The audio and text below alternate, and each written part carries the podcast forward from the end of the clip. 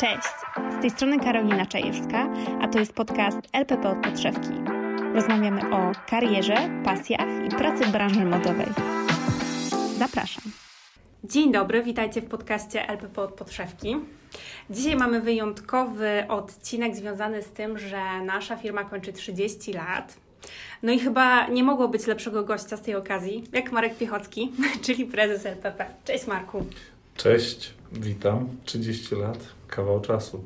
A minęło jak jeden dzień, pewnie. Zaraz się przekonamy.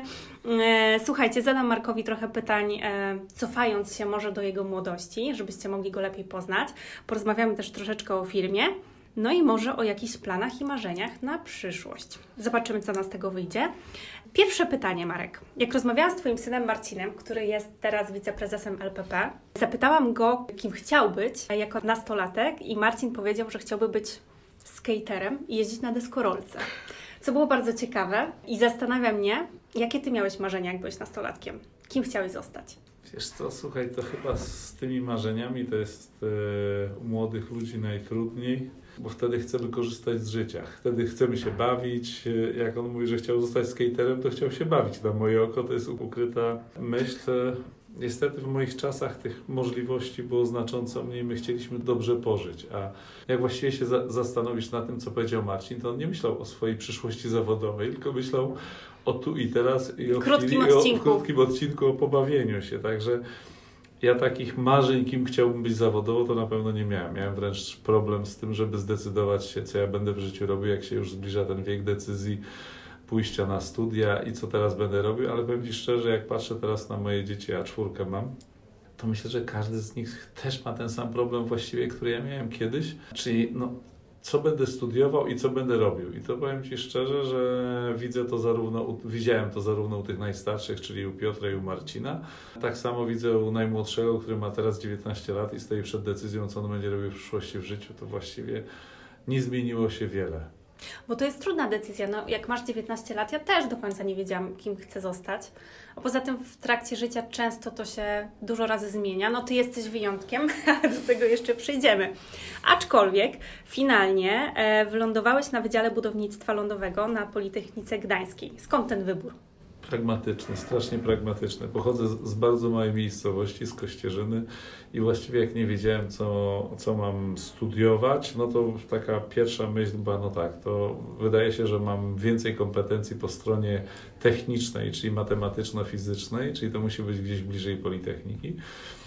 A później tata do mnie mówi, ty słuchaj, w takiej miejscowości jak Kościerzyna się budowało i będzie się budować. W związku z tym budownictwo wydaje się najbezpieczniejsze, że znajdziesz tu zawsze robotę. No i poszedłem na to budownictwo. A wbrew pozorom już na drugim roku, czy tam, nie wiem, po, po pierwszym roku wiedziałem, że chyba nie będę pracował w zawodzie, nie? Ten wybór był bardzo pragmatyczny, ale też jak gdyby z niewiedzą. Ja z drugiej strony ci powiem, że jak spoglądam na wiele osób, które, które spotykam, niewiele z nich pracuje w swoim wybranym zawodzie. Nie? Szkoła nie jest y, tylko tym miejscem, gdzie od razu musimy się zdeklarować i deklarujemy się do końca życia, że będziemy to robili. Ja tam, jak się patrzy na mnie faktycznie jako inżyniera budowlanego, który de facto zajmuje się pięknem, modą, sztuką czy, czy organizacją sprzedaży tego piękna, no to na pewno jest to daleko od tego, czego się uczyłem na wykładach na Politechnice. Ale myślę, że w przypadku wielu jest tak. Popatrz, popatrz na samego Marcina. On przecież studiował elektronikę i telekomunikację, mm -hmm. pracował przez kilka lat w banku, w systemach informatycznych, zarządzał systemami na całym świecie. Na sam koniec wylądował mimo wszystko w firmie rodzinnej. Nie? No tak, to prawda. Studia nie, nie przesądzają o naszej przyszłości. No ale na pewno też kształcą. Wydaje mi się, że e, Twoje studia mogły Ci pomóc przy planowaniu tworzenia nowych budynków LPP. Pewnie miałeś większą wiedzę niż niektórzy. Nie, to inaczej. To, to, to takie merytoryczne, jak gdyby ta wiedza merytoryczna, ona na pewno pomaga, ta budowlana wiedza merytoryczna na pewno pomaga, kiedy dochodzi do jakichś tam inwestycji budowlanych. Oczywiście, no bo człowiek coś mu tam zostaje, coś pamięta i tak dalej. Ale pewnie z drugiej strony studia chyba są ważne z innego powodu. Nie z powodu tego, jakiej merytorycznej wiedzy się tam nauczymy, ale z powodu tego, na, na, ile nauczymy się uczyć, poznawać nowe rzeczy, na ile jesteśmy otwarci, jak umiemy sobie poradzić z problemami, jak umiemy przygotować się i sformułować swoje myśli dosyć precyzyjnie w postaci takiej czy innej prezentacji. I po to w dużej mierze są studia, nie? Czy, czy po to, żeby umieć w pewien sposób no to pewnie zawody techniczne uczą w pewien sposób bardziej szacować, kalkulować, przewidywać. Inne zawody, no bo nie wiem, mamy całą masę tutaj przecież artystów, grafików czy projektantów. Oni się czegoś innego uczą, ale studia myślę, że to nie jest coś, co koniecznie najważniejszą rzeczą jest, że one dostarczają wiedzy merytorycznej z danego obszaru. One uczą się uczyć. Nie? One uczą precyzować swoje myśli, wybierać, czy dokonywać takich czy innych wyborów, czego odrzucać i tak dalej. Nie? A to chyba jest ważniejsze, bo umiejętności masz przez całe życie je rozwijasz, a z wiedzą merytoryczną jest tak, że pewne rzeczy i tak zapominamy i potem musimy to odgrzebać, więc to zawsze jakoś tam można nadrobić. A jak dzisiaj mam jeszcze naszego przyjaciela Google'a, który nam szybko podpowiada, czy Wikipedię, no to mamy w trzy sekundy informację, którą gdzieś tam chcemy sobie do tego czy do innego celu wykorzystać. Nie? I, I, dlatego tam te studia na pewno jestem przekonany, że, że uczą zupełnie czegoś innego niż czasami jest to napisane w tytule, czy inżynier budowlany, czy inżynier nie tam matematyk, czy taki, czy inny, nie? Mhm. To prawda. To chyba tutaj y, kluczowa jest po prostu krytyczna analiza i umiejętność szukania tych informacji. A jak ogólnie wspominasz okres studiów? No słuchaj, było nieźle. Było nieźle. To są inne czasy. Słuchaj, musicie, musicie wziąć pod uwagę, że studia na początku lat 80. to były trochę inne czasy, nawet ze względu na perspektywy, które były. Nie? Perspektywy, co będziesz później robił, co możesz robić. Tych perspektyw aż tak szerokich nie było, jak dzisiaj mają młodzi ludzie. I, I, właściwie no to się kończyło tym, że myślało się, że wyląduje się w jakiejś, czy tam ja na przykład w jakiejś firmie budowlanej w Kościerzynie, że będę właściwie tym inżynierem. No właściwie to się wydawało, że wielkiego sukcesu nie osiągnę, no bo ja akurat nie chciałem należeć do partii, nie miałem takich konotacji, a w tamtych czasach mimo wszystko ktoś, kto chciał coś osiągnąć, musiał się zapisać. No ale z drugiej strony trzeba spojrzeć na to tak, że przed rok 89 i wszystko odwrócił, nie? I się okazało, że można zupełnie inaczej, nie? I to była ta szansa, którą pewnie dostałem i z której skorzystałem, nie? A zawsze miałeś smykałkę do interesów, do biznesu? Wiesz co, chyba tak. To dlatego ja Ci mówiłem, że w tym, na tym drugim roku studiów to ja już się zorientowałem, że, że, że właściwie studiuję tylko po to, żeby się może nie czuć gorzej niż inni, żeby uzyskać wykształcenie, żeby móc napisać sobie, że mam wykształcenie wyższe, że jestem inżynierem czy magistrem inżynierem, żeby nie czuć się trochę moralnie czy mentalnie gorzej niż inni i to pewnie dobrze, że to robiłem, bo się nauczyłem czegoś innego. Przy okazji, tak jak mówiliśmy, takiego innego spojrzenia na rozwiązywanie problemów. Ale wiedziałem, że już nie będę pracował jako inżynier budowlany na drugim roku studiów, bo wtedy już czułem, że dużo lepiej można zarobić, mając jakiś swój mały interesik. Ja w czasie wakacji na drugim roku studiów otworzyłem swój warzywniak. O, tego nie wiedziałam. Słuchaj, ja już różne rzeczy robiłem. I chryzantemami handlowałem przed, przed wszystkimi świętymi i, i w czasie wakacji miałem ten warzywniak. W Kościerzynie czy w Gdańsku? No, w Kościerzynie, w Kościerzynie. W Kościerzynie miałem ten warzywniak. E, wiesz, moja mama też miała wcześniej warzywniak, to ja zobaczyłem, że to może być biznes fajny, że można tam z tego żyć lepiej, nie, niekoniecznie oglądając się na to, że, że ma się bardzo słabe pieniądze młodzi ludzie muszą mieć świadomość, że w 80 latach w Polsce się zarabiało około 20 dolarów miesięcznie, czyli kiedy ktoś wyjeżdżał za granicę, to mógł tylko lizać wystawy. To się mhm. nazywało elegancko window shopping. Czyli... czyli się pochodziło, pochodziło, poglądało, pomarzyło. No i, i, i to było wszystko, na co nas było stać. Natomiast jak ktoś miał jakiś prywatny interes, których nie można było mieć zbyt wiele, no to e, ten ktoś prawdopodobnie już mógł zarabiać nie 20, a może 200, a może 500 dolarów miesięcznie. Zależy jaki ten biznes był i to mu pozwalało na dużo lepsze życie.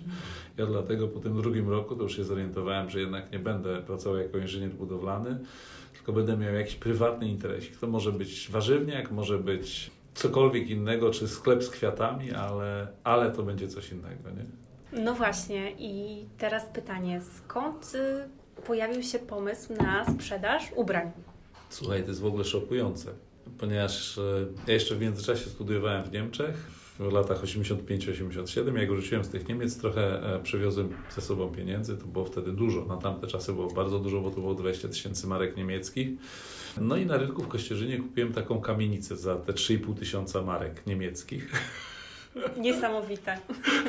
Ta kamienica po dzień istnieje. Słuchaj, tam w tej kamienicy jest sklep rezerw, żeby było Historia zatoczyła koło, okej. Okay. Nie, ale słuchaj, w tej kamieni... wtedy poszedłem do, do Urzędu Miasta w Kościerzynie i mówię, słuchajcie, mieli Państwo, chciałbym tutaj otworzyć, bo tam taki był dostępny sklepik, może 20 metrów kwadratowych, bo całą resztę mm, urzędy państwowe wynajmowały od właściciela tego lokalu i nie można było tego im wypowiedzieć państwowe sklepy, ale był taki tam lokal w tym, w tym całym obiekcie 20-metrowy. Ja mówię, chciałbym tu otworzyć sklep. A z czym Pan by chciał? Ponieważ w tamtych czasach e, handel kwiatami był bardzo dochodowy, no chciałbym otworzyć kwiaciarnię. Pana, ale my już na rynku mamy jedną kwiaciarnię, potrzebujemy drugiej. To ja mówię, no to co mógłbym tu otworzyć na tym rynku? No, no nie, no, może sklep odzieżowy. Mhm. I otworzyłem mały sklepik odzieżowy, 20-metrowy.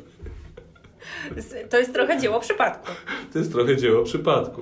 To jest jedno dzieło przypadku, a, a drugie dzieło przypadku to jest też takie, że później gdzieś wyjechałem do Turcji i, i w tej Turcji jak gdyby zobaczyłem na wakacjach, że można że inni też to robili, to wielu, wiele osób w tamtych czasach robiło, kupowało swetry tureckie czy inną odzież turecką i przewoziło w torbach tutaj i sprzedawało. Ja się orientowałem, że albo mam lepsze oko, albo mi to lepiej wychodzi. Jak kupiłem, nie wiem, wtedy chyba z 10 swetrów tureckich, to sprzedałem je na pniu w 5 minut. Myślałem, no to pojadę jeszcze raz szybko za tydzień na ponowne wakacje. Mm -hmm. no i tak się zaczęło, nie?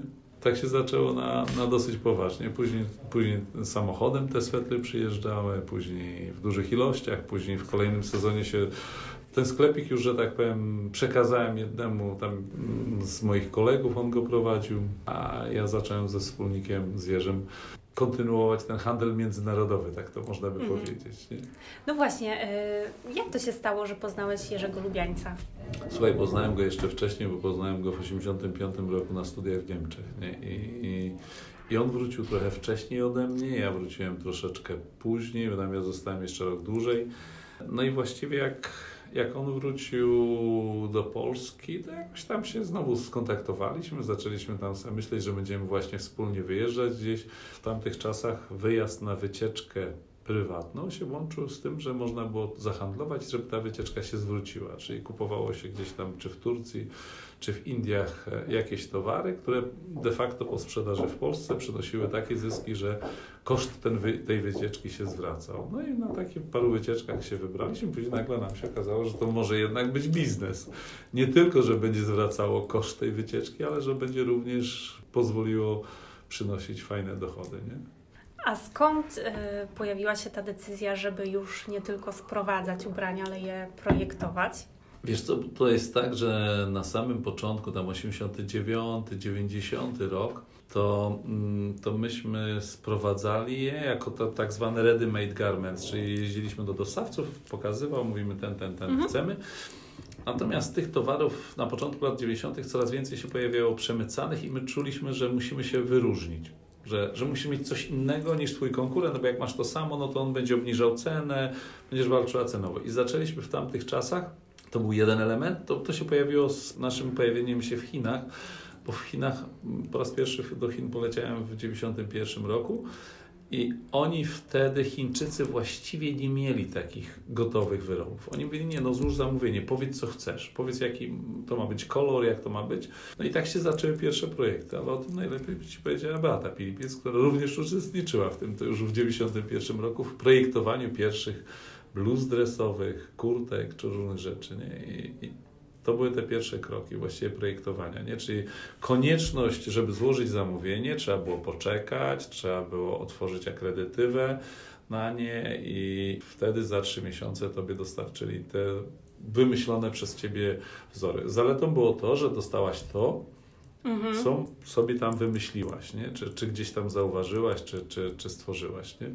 I to było inne i nikt nie miał czegoś takiego samego na rynku i myśmy wtedy też zaczęli pod własną marką jak gdyby pierwsze rzeczy produkować. Nie? Sprzedawaliśmy je do różnych hurtowni w Polsce. Wtedy była cała masa hurtowni odzieżowych i one później te hurtownie to rozprowadzały do różnych małych sklepików. Niektórzy to kupowali, sprzedawali na rynkach, na targowiskach. No tak wyglądał handel na początku lat 90., nie? Mhm. Sklepów jeszcze tak dużo nie było. Powiedzmy sobie już takich sklepów w ogóle specjalistycznych jak Rezerw. Myśmy Rezerw pierwszy sklep stworzyli w 98 roku, nie? Jeszcze w międzyczasie dostarczaliśmy towary do hipermarketów. Byliśmy jednym z większych dostawców. Jak gdyby uczyliśmy się tych wszystkich krok rzeczy kroku. krok po kroku, nie? I no wiesz, te, w tych czasach to ja spędzałem sam w Chinach bardzo dużo czasu, bo praktycznie po 200 dni w Chinach, 250, takich parę lat było, że spędzałem w Chinach, nie? siedząc e, w fabrykach na końcu linii produkcyjnej, patrząc, czy jakość tych rzeczy jest dobra, ucząc się od jakichś tam starych technologów, bo ja jako inżynier budowlany nie miałem żadnego pojęcia o odzieży, o tym, jak należy ją wykonywać. Nie? I ale ten Twój zmysł techniczny, no przydał się, tak? No oczywiście inna dziedzina, ale no jednak to trzeba mieć jakąś wyobraźnię, żeby to pojąć, jak to się szyje. Wiesz, wiesz, to jest, ja myślę, że to jest tak, że Politechnika to mi dała jak gdyby, ja, ja przynajmniej tak na to spoglądam, dużą chęć uczenia się, plus analitycznego podejścia do rozwiązywania problemów, o tak bym to powiedział. Mm -hmm. Nie? I teraz, jak miałem jakiś problem, no jak wykonać dobrą, nie wiem, koszulę, no to wiedziałem, że muszę kupić koszulę od najlepszych producentów, których znam. Wtedy w Polsce to była Wulczanka. No to kupowałem, nie wiem, pięć koszul wulczanki i rozpruwałem je na drobne szczegóły, tak zupełnie na najdrobniejsze, żeby zobaczyć jaka jest flizelina, jak jest wykrojona w kołnierzyku, mm, jakiej grubości, czy jest jedna, czy dwie warstwy, gdzie jest wycięcie po łuku i tak dalej, i tak dalej. No, słuchajcie, koledzy, ja jechałem do Chin wtedy i mówię, słuchajcie, a jak wy to robicie, pokażcie no to ja bym chciał bardzo podobnie. Proszę, żeby ona była bardzo podobnie, a materiały, różniliśmy się tym, że ja wybierałem materiały, że taki wzór, taki kolor i tak dalej, i tak dalej, ale jeśli chodzi o technologię, to to chciałem, żeby to było zrobione jak najlepiej. Nie? Krąży taka historia, że ponoć kiedyś spotkałeś chyba w Sopocie kogoś, kto był w bluzie czy w kurtce z początku. Kupiłem od niego, to, to jest, Masz ją? To jest prawda, mam, mam, mam, mam. Ja pozbierałem parę takich rzeczy, które mamy z lat właśnie, tak jak mówisz, 95, coś takiego, 93, no patrzę, facet idzie, to było jeszcze z rok temu chyba. Mhm. Patrzę, idzie, niemożliwe, niemożliwe. Zrobię sobie zdjęcie z panem. A później mówię, no co, a może pan sprzedał tą kurtkę? To musiał być naprawdę dobry produkt, który, skoro tyle lat wytrzymał. No, tak. Wiesz, inaczej, w międzyczasie też się tak porobiło, że ludzie oczekują rzeczy tańszych, i częściej je zmieniają. To, to tam jest jak gdyby oczekiwanie społeczne, któremu po prostu sprosta, sprostywaliśmy. Bo z drugiej strony teraz widzę coraz większy trend w stronę tego, że ludzie jednak chcą kupić sobie rzadziej, a lepszej jakości rzeczy. Jak popatrzycie, co się dzieje, jeśli chodzi o jakość, nie wiem, produktów rezerw, ale we wszystkich brandach, to ja widzę ten trend, że on jest, idzie w, w, przeciwnym kierunku, nie? że te rzeczy są lepszej jakości, że one są, no niestety, a równolegle wtedy stają się też droższe. Mm, no coś za coś, to coś jest naturalne. Coś, I tak sobie pomyślmy o tych początkach, kiedy miałeś pewnie nie wiem, kilkunastu może współpracowników i, i o momencie teraz takim, e, kiedy w centrali no, jest około 3000 osób. Mówimy o samej centrali i jeszcze do tego pracownicy salonów. Jak się zmieniły Twoje obowiązki na czym Ty się teraz koncentrujesz? No bo nie jesteś w stanie objąć swoim zasięgiem całej firmy. Co jest dla Ciebie teraz najważniejsze? Słuchaj, wiesz co, ja patrzę na to tak, że akurat to jest yy, przynajmniej tak jak ja spoglądam na to historycznie, myśmy się musieli cały czas zmieniać, nie? bo firma rosła. To pewnie dlatego to, to powiedzenie w LPP, że jedyna stała rzecz to jest zmiana. Tak, wszyscy to powtarzamy. Wszyscy to powtarzamy. Ale dlaczego się. Ja tak samo się musiałem zmieniać z tą firmą. Mój zakres obowiązków się zmieniał, no bo jak ci mówiłem, na początku jeżdżąc gdzieś tam, siedziałem w fabryce. Najzwyczajniej po pierwsze negocjowałem sam jak kupiec e, z dostawcami, ale później, jak już ten dostawca czy ta firma zakontraktowałem z nimi, nie wiem, wykonanie koszul, czy dresów, czy czegoś, to jechałem po prostu do fabryki, siedziałem w fabryce jak inspektor i kontrolowałem, czy ta fabryka jest dobra, wystarczająco dobra i tak dalej. Dlatego tyle tych dni spędzałem w tych Chinach. Natomiast im później wraz ze wzrostem, no to musiałem zmieniać swoje jak gdyby obszary zainteresowania czy odpowiedzialności i, i to się tak naprawdę zmienia na okrągło i dlatego też dla wielu osób, które w firmie pracują już dłużej, no to też ich zakresy obowiązków się zmieniają. Nie jak, nie wiem, Staszego jak przyszedł na początku do firmy w 91 roku, on i Ela Doba, i to były dwie osoby, które odpowiadały za przyjęcie towarów, a za sprzedaż była Beata Pilipiec, odpowiedzialna. Mm. Natomiast dzisiaj jak pomyślisz, że, że tam w magazynach w Pruszczu pracuje z półtorej tysiąca osób, są przenośniki, przerzucają tego tam, nie wiem, kilkaset milionów sztuk rocznie, chyba 450 w tym roku, no to... Mm, no to on tak samo musiał się zmieniać. Nie? Mm -hmm. To mhm. nie jest tylko to, że ja zmieniałem no, swoje, swoje jak gdyby, ale cała masa ludzi pracujących w LPP też zmieniała swoje zakresy obowiązków. Nie? Jak pomyślisz o wielu takich, nie Michał Laskowski przyszedł na 5 minut popracować jako sprzedawca, żeby dorobić do, do studiów, a, a dzisiaj zarządza całą sprzedażą Sinsei, ale po drodze jak się zapytasz, co Michał robił jeszcze w LPP, to on robił wiele rzeczy. Był regionalnym, e, w Kropie, był w rezerw później, no naprawdę w wielu miejscach był, nie? Także ja też musiałem być w wielu miejscach, nie? Na początku byłem kupcem i inspektorem jakości. Później byłem odpowiedzialny za coraz więcej, za te różne obszary, ale pewnie chyba najważniejsze jest to, że staramy się przekazywać obowiązki i mamy całą masę ludzi, którzy, którzy je chętnie przejmują i dobrze je wykonują. Nie? I to jest chyba siłą firmy, jak się nad tym zastanowić. No przecież wiadomo, że ja nie jestem w stanie, nawet jakbym pracował 24 godziny na dobę, nie jestem w stanie tego ogarnąć. Mm. A co teraz jest dla Ciebie takie najważniejsze?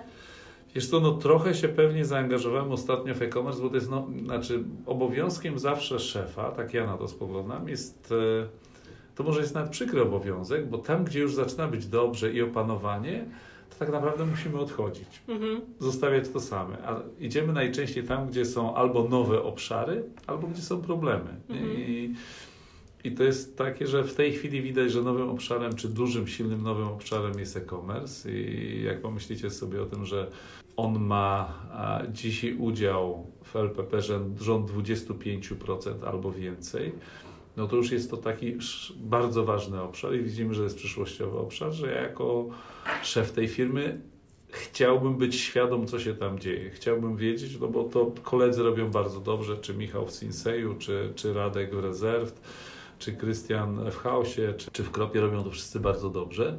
Natomiast no, ja czasami trochę ich wspieram przy niektórych decyzjach albo zachęcam do jeszcze intensywniejszego rozwoju tego obszaru, no bo świat w tym kierunku idzie, nie? A ja chciałbym razem z nimi poznać tą drogę, nie? Wspominałeś o Staszku, wspominałeś o Beacie. Mm, to, co jest myślę wyjątkowe w naszej firmie, to jest dziesięciolecie pracowników. Organizujemy raz w roku e, taką imprezę, nazwijmy to wprost. Y, te osoby świętują to, że już są dekadę w firmie. Też mieliśmy 25-lecie, czyli e, spotkanie osób, które już aż tyle lat pracują dla LPP. Jakie to uczucie dla Ciebie widzieć te twarze? To wiesz, to jest radość, tak naprawdę radość, a z drugiej strony sobie myślę, że to, to jest e, fajna, fajna rzecz, którą gdzieś kiedyś ja podpatrzyłem tak naprawdę. To nie jest tak, że ja to odkryłem, tylko byli u nas tacy konsultanci w latach 90., E, którzy przyjeżdżali ze Stanów Zjednoczonych w ramach pomocy rozwijającym się krajom.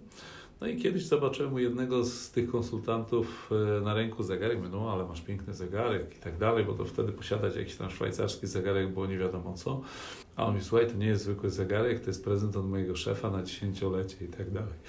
I wtedy sobie pomyślałem, cholera jasna, no to ja też może powinienem coś zrobić dla tych, którzy, którzy dla mnie coś robili. I w 2000 chyba trzecim, czy, czy chyba w 2003 minęło 10 lat, albo może wtedy po raz pierwszy to zrobiliśmy, że wręczyliśmy zegarki pierwszym sześciu osobom. To ja jestem dumny z tego, bo to zdjęcie pokazuje nowym pracownikom równolegle ze zdjęcia, gdzie oni już mają nie 10, a 25 lat i, I te same osoby są, mm -hmm. te mhm. same osoby pracują. Ja jestem z tego w jakiś sposób ci powiem, że dumny, chociaż kosztuje to firmę już nie mało. Były, były lata, w których i po pół miliona złotych wydawaliśmy na zegarki, bo to co roku się spotyka około tam, nie wiem, 120-140 osób, ale uważam, że jest warto, bo te osoby, będąc z nami przez 10 lat, włożyły dużo energii, serca, myśli, poświęciły, zakładam, że też dużo własnego i nie tylko zawodowego, ale prywatnego czasu na to.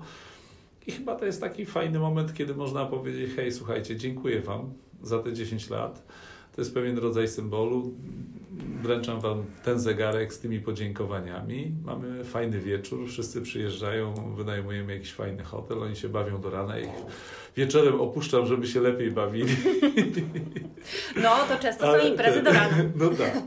No, ale, ale myślę, że chyba, wiesz, to jest warto, nie? Tam były momenty w historii, kiedy naprawdę było nam bardzo trudno i bardzo źle, kiedy to był 2009 rok, kiedy był straszny kryzys, ale tą imprezę też mieliśmy, nie? To mhm. ci powiem, że z tego jestem dumny, że, mm, że przestaliśmy zamawiać cokolwiek, wtedy gazety czy cokolwiek, ale tą tradycję utrzymaliśmy i chyba to jest, no tak jak mówię jeszcze raz, warto, bo ci ludzie jednak wkładają dużo swojej jakiejś takiej osobistego zaangażowania, bo dzięki temu zaangażowaniu wydaje się, że jesteśmy tu, gdzie jesteśmy jako firma, nie?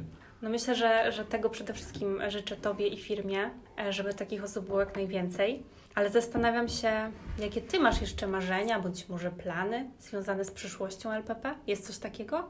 Wiesz co, ja chciałbym chyba, żebyśmy ciągle, żeby nam się ciągle udawało utrzymać ten, ten, tą fazę wzrostową. Nie? I na razie wydaje się, że to ciągle idzie. Zwróć uwagę, że w tym roku szacujemy, że przychody będą 14 miliardów, w przyszłym roku znacząco większe, bo ta fala wzrostu daje szansę na rozwój wielu ludziom. Ta fala powoduje, że wszyscy, nie wiem, dzisiaj są asystentami, jutro będą kupcami, później będą product managerami, a za chwilę będą może dyrektorami, że wzrost firmy kreuje coś takiego, że ludzie w niej pracujący mogą również się zawodowo rozwijać. Nie? I, chyba tego bym sobie tak najbardziej życzył, żeby to funkcjonowało najdłużej jak można.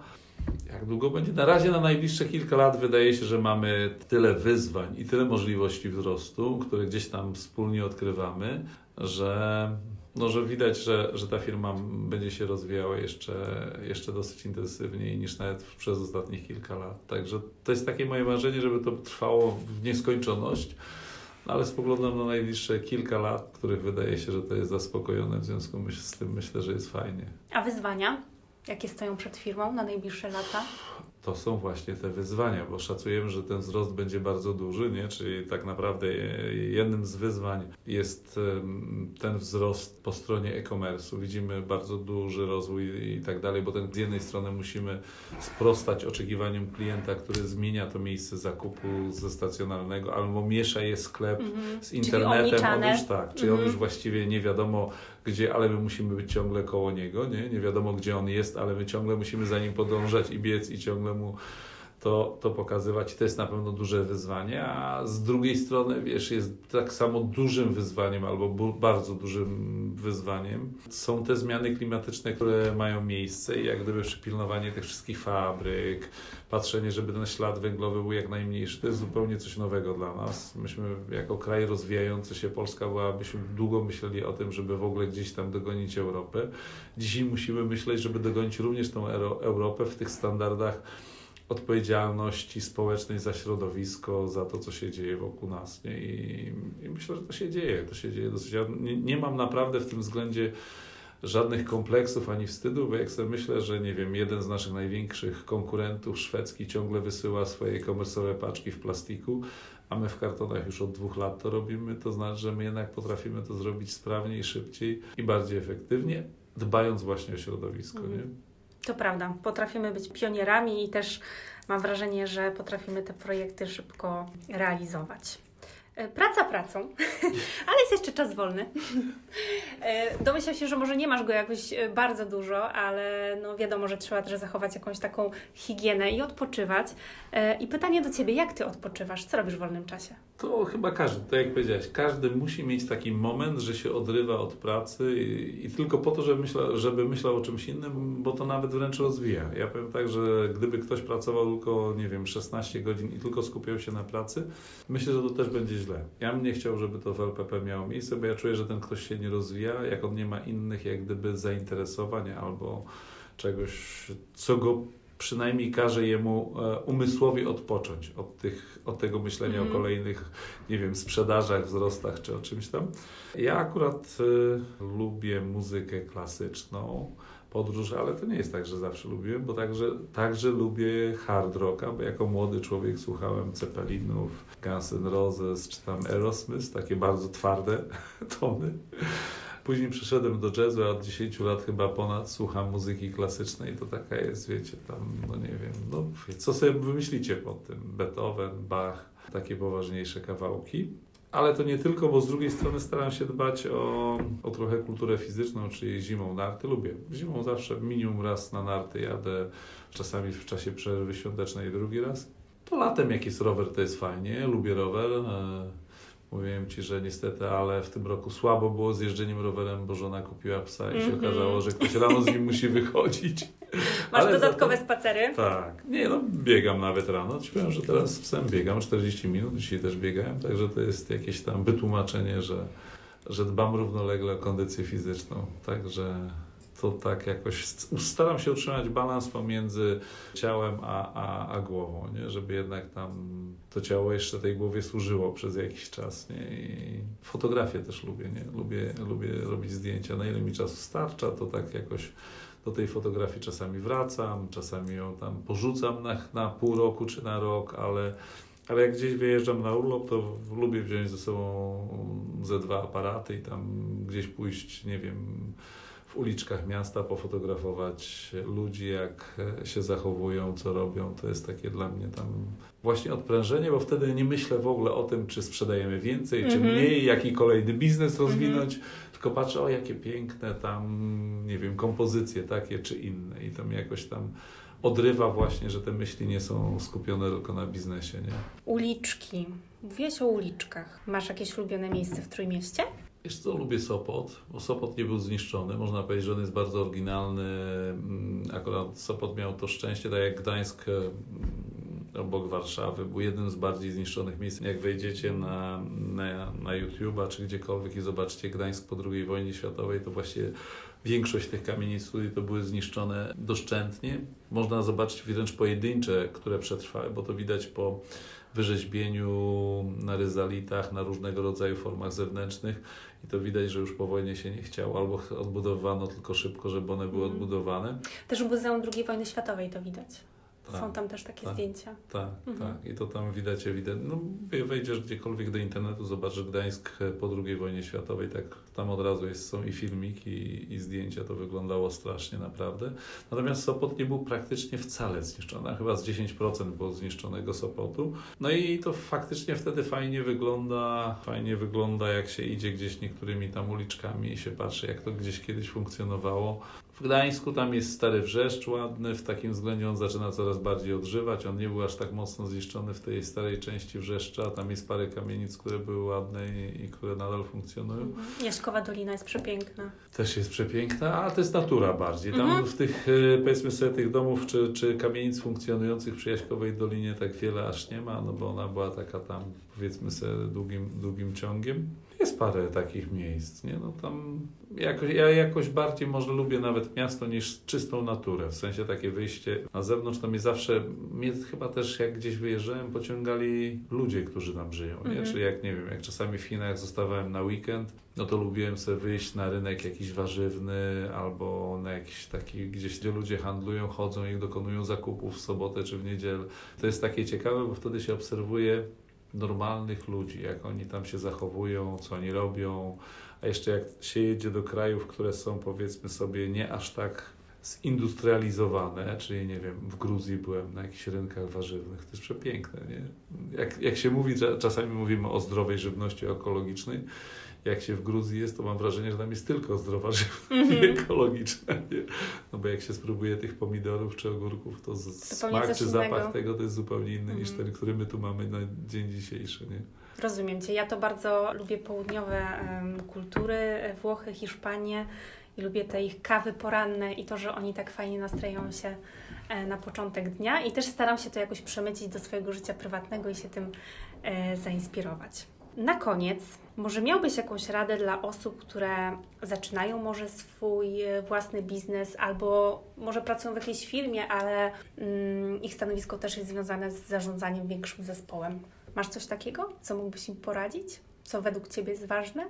Uwaga, to są dwie różne rzeczy, o które pytasz. Mm-hmm. Te, które mają własny biznes, to jest jedno, a ci, którzy zarządzają większym zespołem, to jest No, ci, którzy mają własny albo planują własny biznes, to muszą być przygotowani na to, że będą pracowali na początku znacząco dłużej niż sobie wyobrażali i będzie ich to kosztowało, jeśli chodzi o czas, energię i myśli znacząco więcej niż sobie wyobrażają, no bo tak jak Ci mówię, dzisiaj mnie stać na to, żeby odrywać swój umysł i mówić, że nie będę się zajmował tym czy tamtym.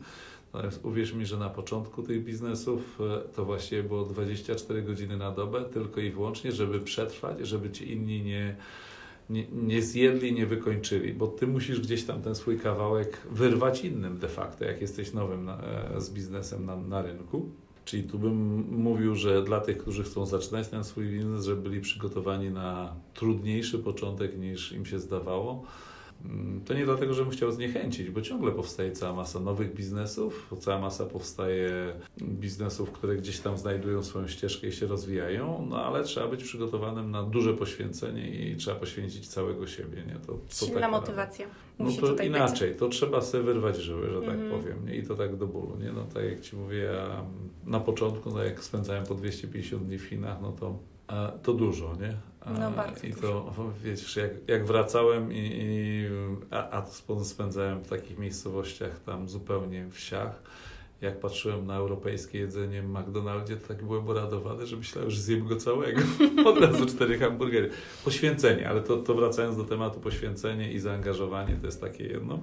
Natomiast myśląc o zarządzaniu zespołem, to chyba jest ważne to, żeby żeby słuchać ludzi i dawać ludziom również możliwość rozwoju w ramach swojego zespołu, bo każdy z nas, niezależnie gdzie by nie był na jakim stanowisku, jest jakimś przywódcą, liderem. I obojętnie, czy to jest przywódca całej firmy, czy to jest przywódca brandu, departamentu, czy sześcioosobowego działu, te, które mamy, tak, to jest jakiś lider, no to jest ważne, żeby ten lider dawał również możliwość i szansę rozwoju swoim partnerom, z którymi tworzy to, to małe przedsięwzięcie. Obojętnie co by nim nie było, czy to będzie, tak jak Ci mówię, jakiś zespół produktowy, czy to będzie zespół jakiś inny, to jest chyba jedna z ważniejszych rzeczy, żeby dawać również szansę samorealizacji innym, bo tylko dzięki temu można stworzyć wielkie rzeczy. Nie? Ja wierzę w to, że ja daję szansę samorealizacji wielu osobom, które ze mną bezpośrednio współpracują